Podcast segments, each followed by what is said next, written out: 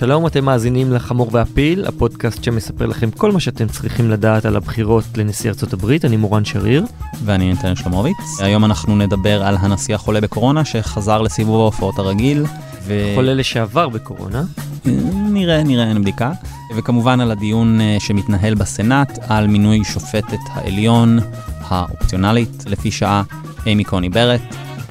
ונדבר על אה, העימות בין הסגנים. זוכר שהיה מין דבר כזה? לפני שהתפילות שלנו אה, לשלומו של טראמפ אה, נענו? אני זוכר שהיה איזשהו ספיישל עם זבוב.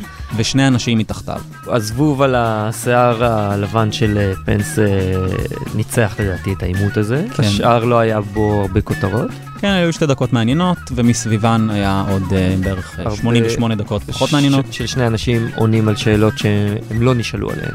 אז אוקיי, סגרנו את הפינה הזאת. כן, אפשר נראה לי להתחיל. יאללה, עכשיו נדבר על דברים מעניינים באמת. מצוין. Unless something really dramatic happens, all Republicans will vote yes and all Democrats will vote no.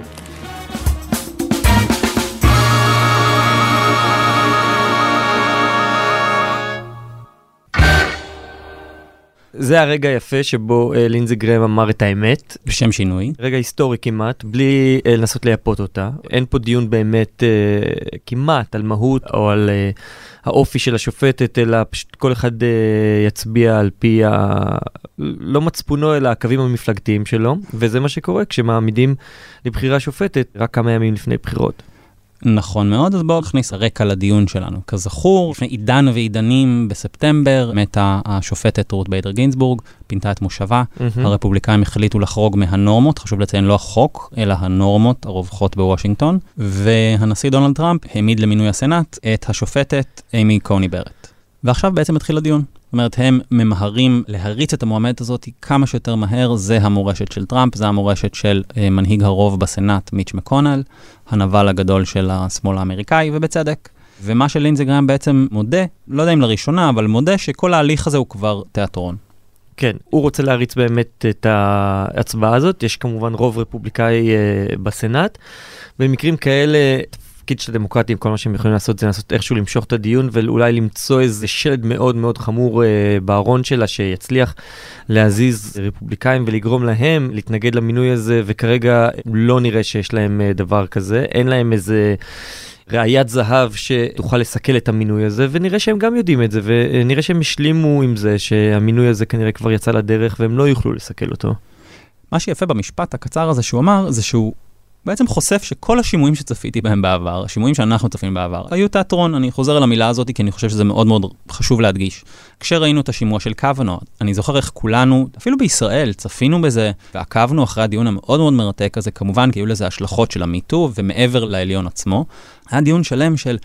אוקיי, יש לנו כמה סנטורים בימין והם במדינות כחולות, אז אולי אפשר יהיה לשכנע אותם באיזושהי צורה, ואם רק נציג את ה case כמו שצריך, אז אולי נוכל לשכנע את uh, הסנטורית סוזן קולינס לשנות את דעתה. וכמו שגילינו, זה בסוף, כולם הצביעו לפי uh, קווי המפלגה, והשופט קוואנו היום שופט עליון.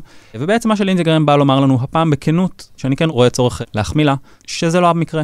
כולם יצביעו לפי קווי המפלגה, כל ההליך הזה בעצם ריק מתוכן, כל השאלות שיכולות להישאל בדיון הזה, אין להן באמת משמעות, אף אחד לא פה כדי לשכנע, ואלא אם יהיה איזשהו משהו דרמטי, שפתאום יצוץ משום מקום, כמו שקרה ב-2017, אין לנו מה לחשוב על זה. שגם המציאות הזו היא די חדשה, כי ראינו שופטים בשנים הלא מאוד אחרונות, אבל אתה יודע, רות בדר גינסבורג, שוב, דמות מאוד מאוד שנויה במחלוקת מן הסתם, היום היא נתפסת בקרב קהלים שמרניים כדמות קיצונית מאוד, היא אושרה ברוב אדיר אה, בסנאט. זאת אומרת, הייתה איזו תפיסה כזאת של הצבעה שלא הולכת רק לפי הקווים המפלגתיים, שהאם אנחנו מצביעים בעד או נגד המועמד של המפלגה שלנו, אלא אם יש מועמד שנתפס כאדם ראוי לכהן בעליון, נתמוך בו אם אין סיבה מספקת לפסול אותו, וזה באמת לא המציאות.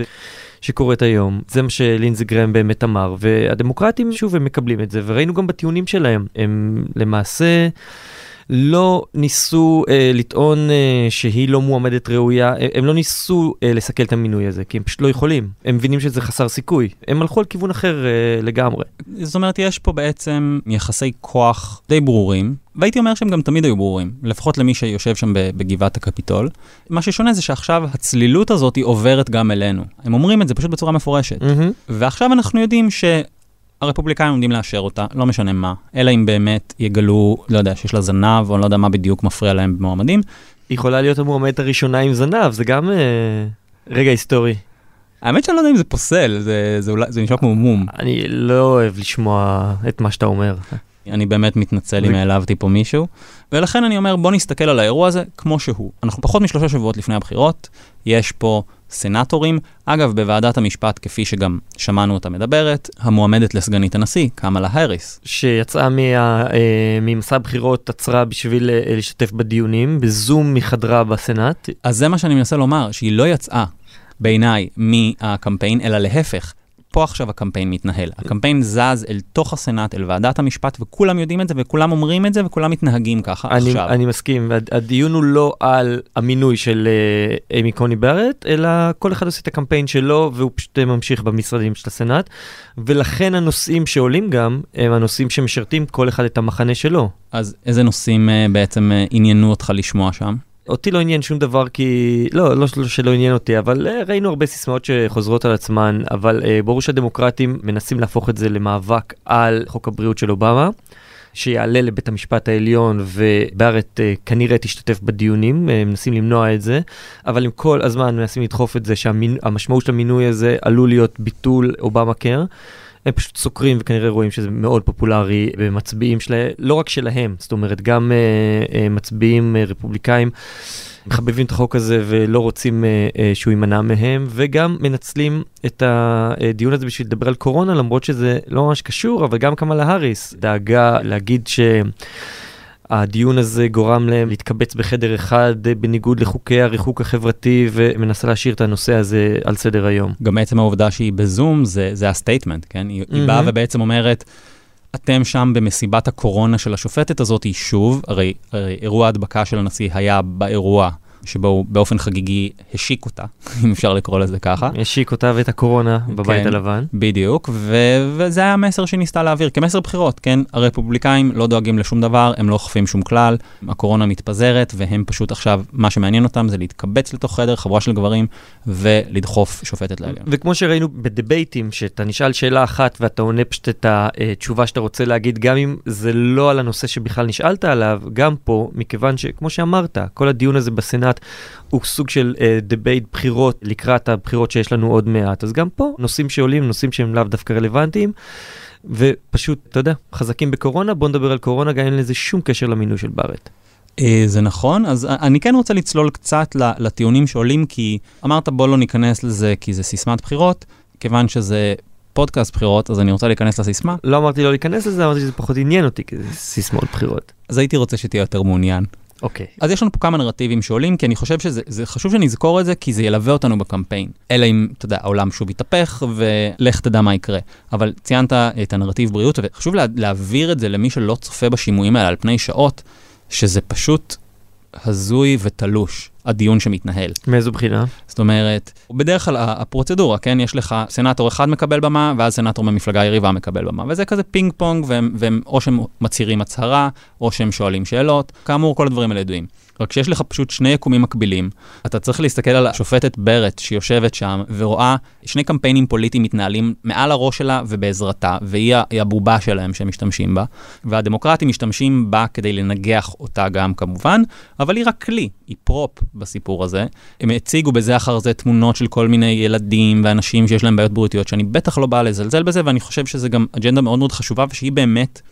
שופטת מסוכנת לאנשים האלה, כי היא רוצה לקחת להם את ביטוח הבריאות, כפי שכל הפסיקות והמאמרים שהיא כתבה מעידים. ואז יש לך בצד השני את, ה, את הרפובליקאים, שהם באמת מדברים על משהו גם לא באמת הכי קשור, ומדברים על הדתיות שלה, ושזה נורא שהשמאלנים תוקפים את היותה קתולית, ושזה פגיעה בחופש הדת. עכשיו, כל הדיון הזה היה אולי עוד איכשהו הגיוני, אם מישהו מהשמאלנים היה אומר את זה.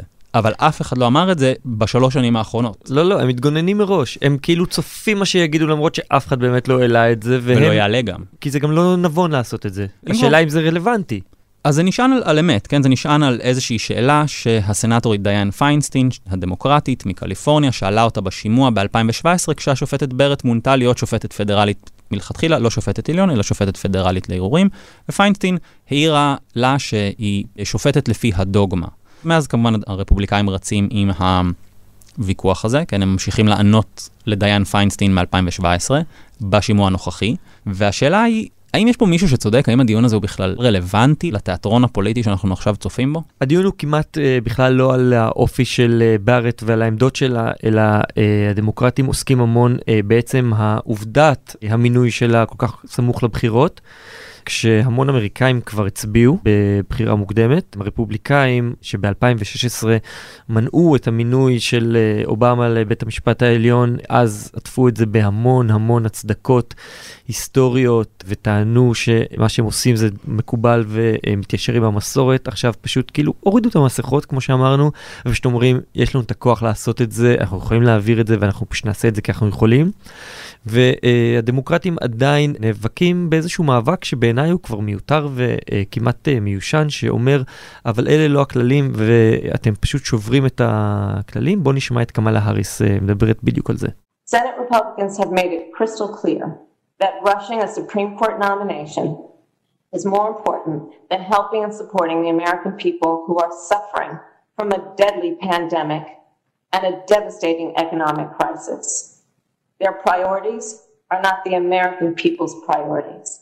מה שמעניין במה ששמענו אצל הריס זה שברור שיש פה איזושהי הכרה מובלעת בעובדה שהדיון הוא באמת חסר משמעות ושזה ברור ש, שהם לא עומדים לנצח בוויכוח הזה על ברט, בטח לא בדיון בסנאט. כי אין להם את הקולות. נכון שיש פה, פה עניין של כוח, אבל גם הם משחקים את המשחק, זאת אומרת ב-level אחר, אבל הם משחקים את המשחק. היא מדברת כמובן על רצון הבוחר, אבל כשהיא מדברת על הקורונה, זה כבר מראה שזה לא רלוונטי לדיון על העליון. Mm-hmm. זאת אומרת, היא בעצם מנסה להעביר לבוחרים של המסר, שאנחנו אנשים שמתעסקים בדברים רציניים, יש מגפה, והם מתעסקים בלדחוף שופטת לעליון. כשהיא מדברת, היא לא מנסה לשכנע את עמיתי הסנטורים להצביע נגד בארט, אלא מנסה לשכנע את הציבור להצביע לה ולביידן לנשיאות בשלושה בנובמבר. בדיוק. ופה היא מבטאת את ההבנה הברורה של דמוקרטים, שהכללים באמת השתנו, אין יותר באמת נורמות, זה יחסי כוח, מה שיש לנו כאן, ואני חושב שאם יש פה איזושהי שאלה, האם מישהו צודק? האשמה פה היא על הדמוקרטים, ואני אפילו לא, לא אגיד המפלגה הדמוקרטית עצמה ובכיריה כמו האריס, mm-hmm. אלא הבוחרים הדמוקרטיים.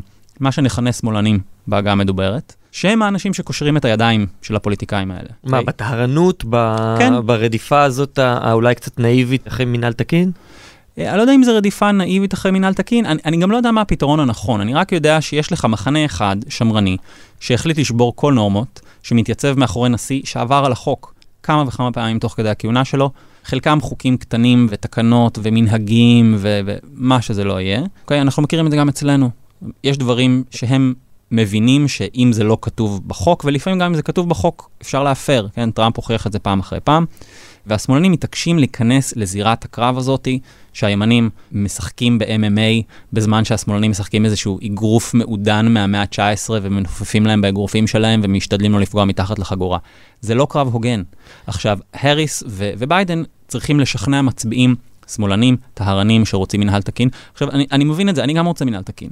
זאת אומרת, אני באמת רוצה שיהיה פה מנהל תקין, אני רוצה שיהיו נורמות, אני רוצה שיכבדו אותם. אבל הוא צריך להיות תקף לשני המחנות. בדיוק. ואני חושב שנגיד ביידן והארי ספציפית, אה, באמת כפוליטיקאים, אפילו אכזרים, אה, לא היה להם בעיה לשבור את הכללים, וכשהם טוענים שהרפובליקאים עושים דברים שלא ייעשו, הם אומרים את זה אולי פחות מתוך איזו אמונה עיוורת באיזו ג'נטלמניות במשחק הפוליטי, ויותר מהעובדה שהם כרגע חלשים ואין להם את הכוח לפעול כמו שהרפובליקאים יכולים. אבל אני מסכים שיש פה משהו מעבר לזה, הם גם לא כל כך יודעים. יודעים איך לעשות את זה.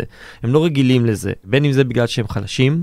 אני חושב שזה כן משהו שקשור למסורת פוליטית, ולא שהדמוקרטים הם איזה צמחונים. צמחונים היום זה נקרא לזה טבעונים, צמחונים זה כבר דבר... אתה פשיסט. אני לוקח חזרה.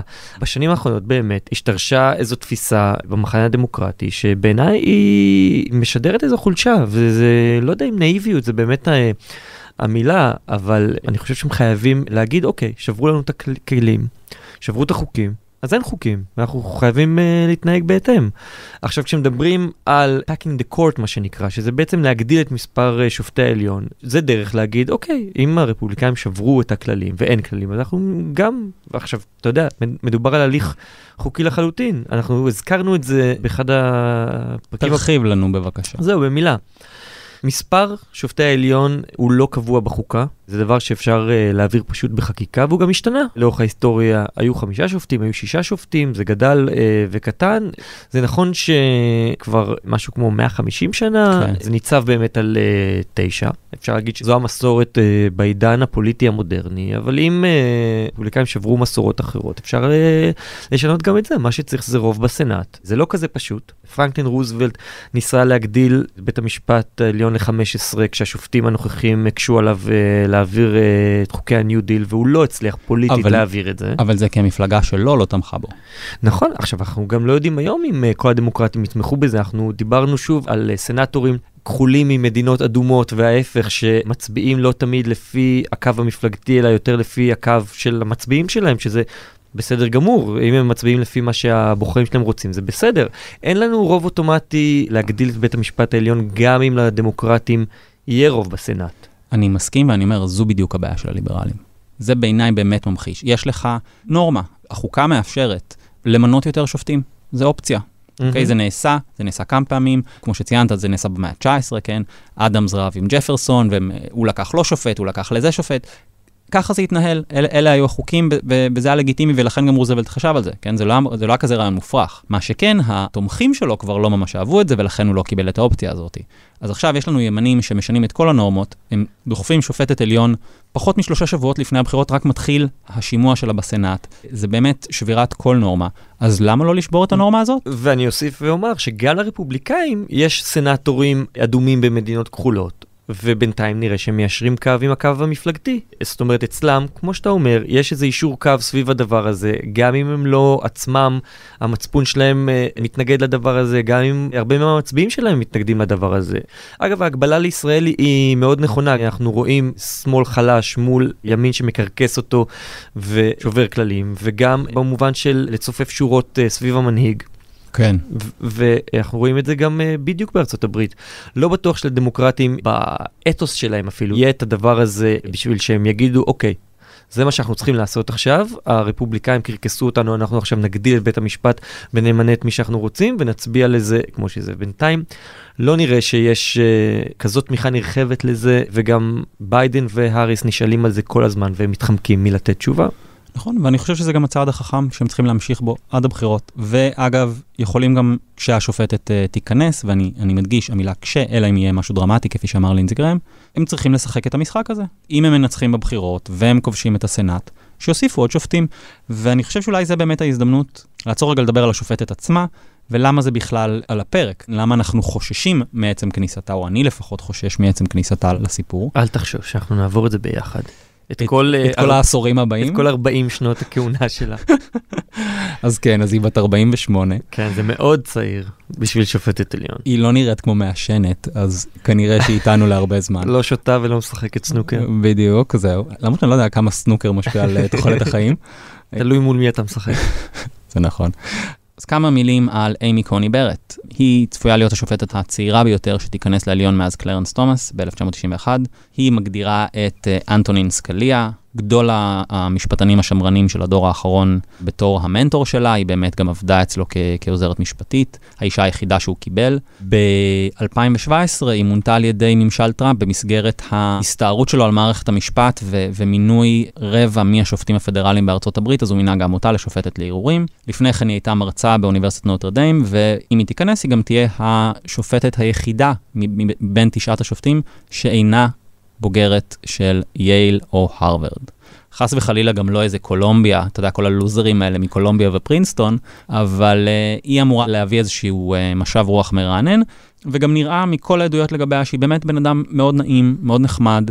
גם דברי הפתיחה שהיא נשאה בסנאט, בסך הכל היו סבירים לאוזן. בסדר, זה לא המקום שלה ליצור פרובוקציות, אבל... זה, אה, זה מה שזה היה, אני אומר, mm-hmm. במובן הזה רואים שהיא פוליטית גם, אוקיי? אני, אני רוצה כן לציין את, את הנאום פתיחה שלה, שהנאום שלה באמת, הוא היה מקסים. היא דיברה על איך הבת שלה עושה איזשהו כושר מסוים, והיא דיברה, הקדישה ממש... ודיברה שהיא פוסקת נגד מישהו, אז היא מדמיינת שהיא פוסקת נגד אחד הילדים שלה.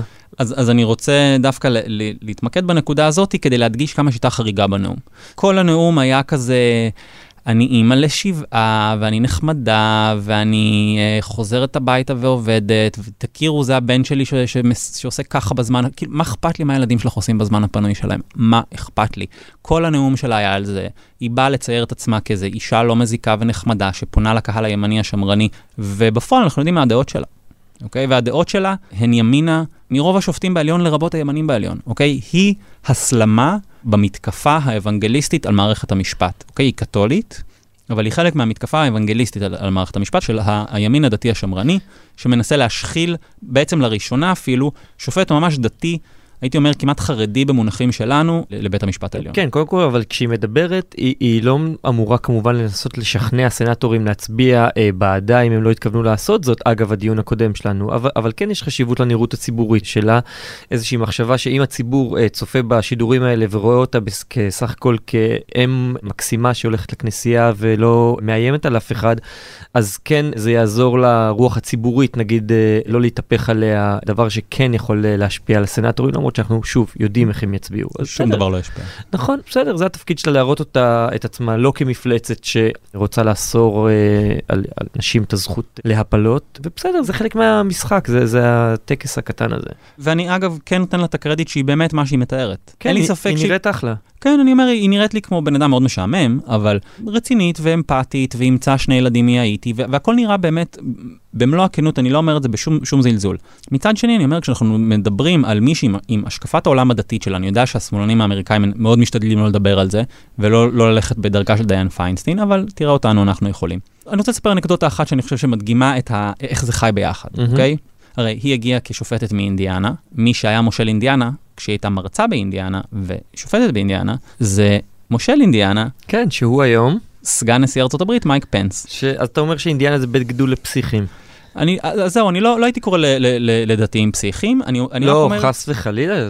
אגב, אתה, אה, אני חושב בכלל שאתה עלול לקרוא לדתיים פסיכיים. אני מדבר על פסיכיים מהסוג של מייק פנס ואימי קוני בארט. אז, אז אני אומר שזה חי ביחד, אוקיי? היא בן אדם מאוד רציונלי ושקול, והיא מבריקה, אין לי ספק. למעשה, החשש שלי ממנה זה שהיא מבריקה ושהיא דרגה אחת מעל הקולגות שלה בעליון, אוקיי? זה הפחד שלי ממנה, שהיא טובה מאוד במה שהיא עושה. ופה הנקדוטה נכנסת.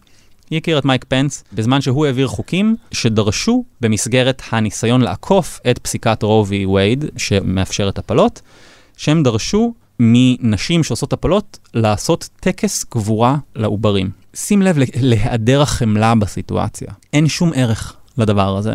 אין שום פואנטה לדבר הזה. הם התחברו סביב הניסיון שלהם באמת לתקוע אצבע בעין לנשים בסיטואציה שהיא גם ככה לא נעימה. והם חשבו גם על חוק, שבאמת יש בו משהו זדוני כזה, כן? ש, שזה לא באמת שהם רצו לעשות איזושהי קבורה ממלכתית בהר הרצל, אוקיי? בעצם העבירו חוקים שנועדו להקשות על נשים לעשות הפלות. עכשיו, זה, ברור לי שזו המטרה שלהם, כי הם מאמינים בזה והם אנשים דתיים, ו- ואני מבין שזו השקפת עולמם, וכפי שציינת את זה גם בפודקאסט הזה בעבר, הם באמת מאמינים שזה רצח, אני מאמין בזה. זהו, זה חשוב, חשוב, כאילו, לגמרי. אני, אני גם כמובן מתנגד לחוק הזה וזה מזעזע בעיניי, אבל, אבל קשה לנו לפעמים לראות את המציאות כמו שהאנשים האלה אה, רואים אותה, ובוא ניתן להם את הקרדיט שמאמינים שזה רצח, אחרת איזה סיבה יש להם, אין להם פה איזה אינטרס פוליטי כמו שהם נלחמים במשבר האקלים, שזה בעצם דואג לכיס שלהם, אתה יודע, ניתן להם את הקרדיט שמאמינים שהפלות זה רצח לפי איך שהם רואים את זה, אז, אז לפי ההיגיון הזה צריך לקבור את הדבר הזה בסוף. אומר, זה שהיא תפעל נגד הפלות, אין לי ספק, וזה מה שהיא תעשה בעליון, ואני אומר, וזה הבעיה. בסיפור הזה, שבעיניי מה שבא לידי ביטוי, זה הקטנוניות mm-hmm. המגעילה והדוחה והאצבע בעין שהאנשים האלה משתמשים כטקטיקה. זה כאילו אני ואתה נחשוב, או אני אחשוב, שמישהו רוצח, ואז אני אגיד, אני יודע מה אני אעשה, אני אהיה כמו זבוב טורדני על הנשמה שלו, אני אדאג שפקחי חנייה יעברו לו כל יום מתחת לבית וייתנו לו דוח. ככה הם פועלים. והסמן הימני הזה, שנשמע כמו אנקדוטה על איזה מין שופטת מוזרה מאינדיאנה, הולכת להיות אחת מתשעה, או אולי יותר, שופטים בבית המשפט העליון, אני מסכים, זה מאוד מאוד משמעותי. אני כן רוצה לסיים עם אנקדוטה אחת שצוטטה בניו יורק טיימס, בנאום שהיא נתנה לסטודנטים, שהיא סיפרה על איך שהיא הייתה בהיריון, ובאותו זמן אושר בדיוק האימוץ שהיא תכננה, והתלבטה אם להביא בבת אחת שני ילדים לחיים שלה, וכבר היו לה חמישה ילדים בבית, אז אתה יודע, יש פער גדול בין שישה לשבעה כידוע, אז מה האדם הסביר הולך לעשות? היא הלכה לבית הקברות כדי לחשוב, וישבה על ספסל. קודם כל מסתמן שלגברת יש חיבה לבתי קברות. זה כבר דגל אדום, זאת אומרת, בין אם אתה בוחר שופט עליון או יוצא לדייט עם מישהו או מישהי, אם אתה מבין שנמשכים כל כך הרבה אה, לבתי קברות, אז יכול להיות שצריך לעשות swipe שמאלה, מה שנקרא. אולי, אולי זה פשוט גם אה, כאילו טעות אה, פרובינציאלית שלנו, אתה יודע, בתי קברות פה כל כך מכוערים, בארצות הברית הם באמת יפים כשמשקיעים בהם. נכון, אם כל בתי הקברות היו נראים כמו בטרומפלדור למשל, הייתי... אה, הולך לחשוב שם על אה, כל ההחלטות הגדולות שלך. לא אספר לך הפעמים שהלכתי באמת לחשוב שם, אבל זה, זה לפודקאסט אחר.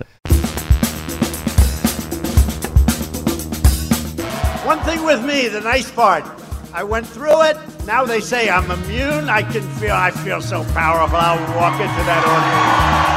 I'll walk in there. I'll kiss everyone in that audience. I'll kiss the guys and the beautiful women and um, everybody. I'll just give you a big fat kiss. נחש את מי שמענו? את הנשיא האהוב עלינו.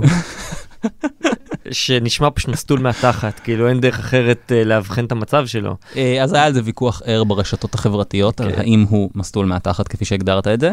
אה, הפעם בניגוד לפעמים קודמות גם יש סימוכים או לפחות ספקולציות כי אנחנו לא יודעים עד הסוף אה, מה הטיפול המלא שהוא קיבל. אה, אנחנו כן יודעים שזה בן אדם בניגוד לקודמים שלו בתפקיד.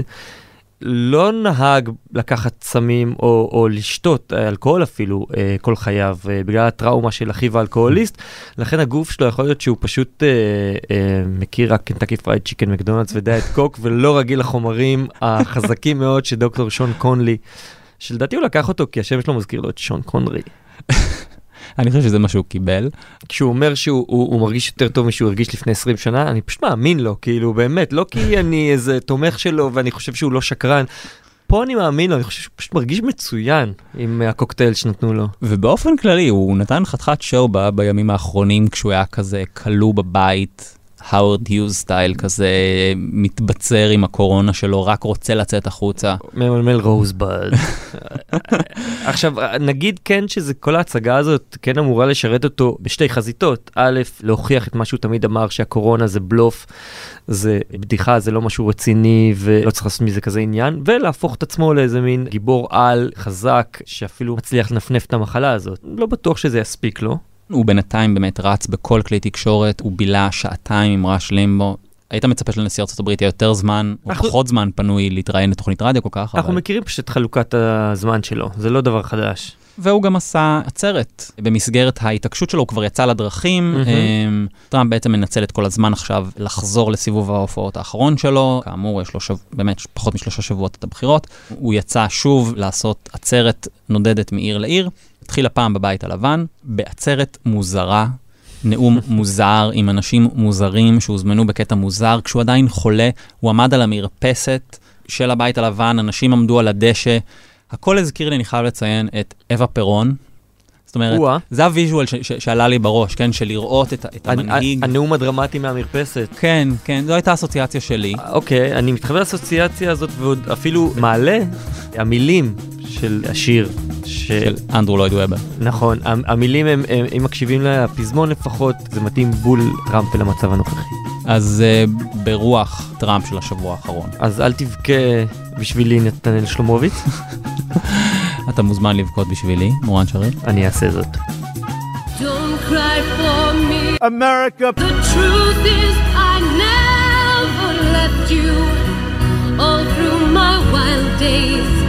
my mad existence, I kept my promise. Don't keep your distance.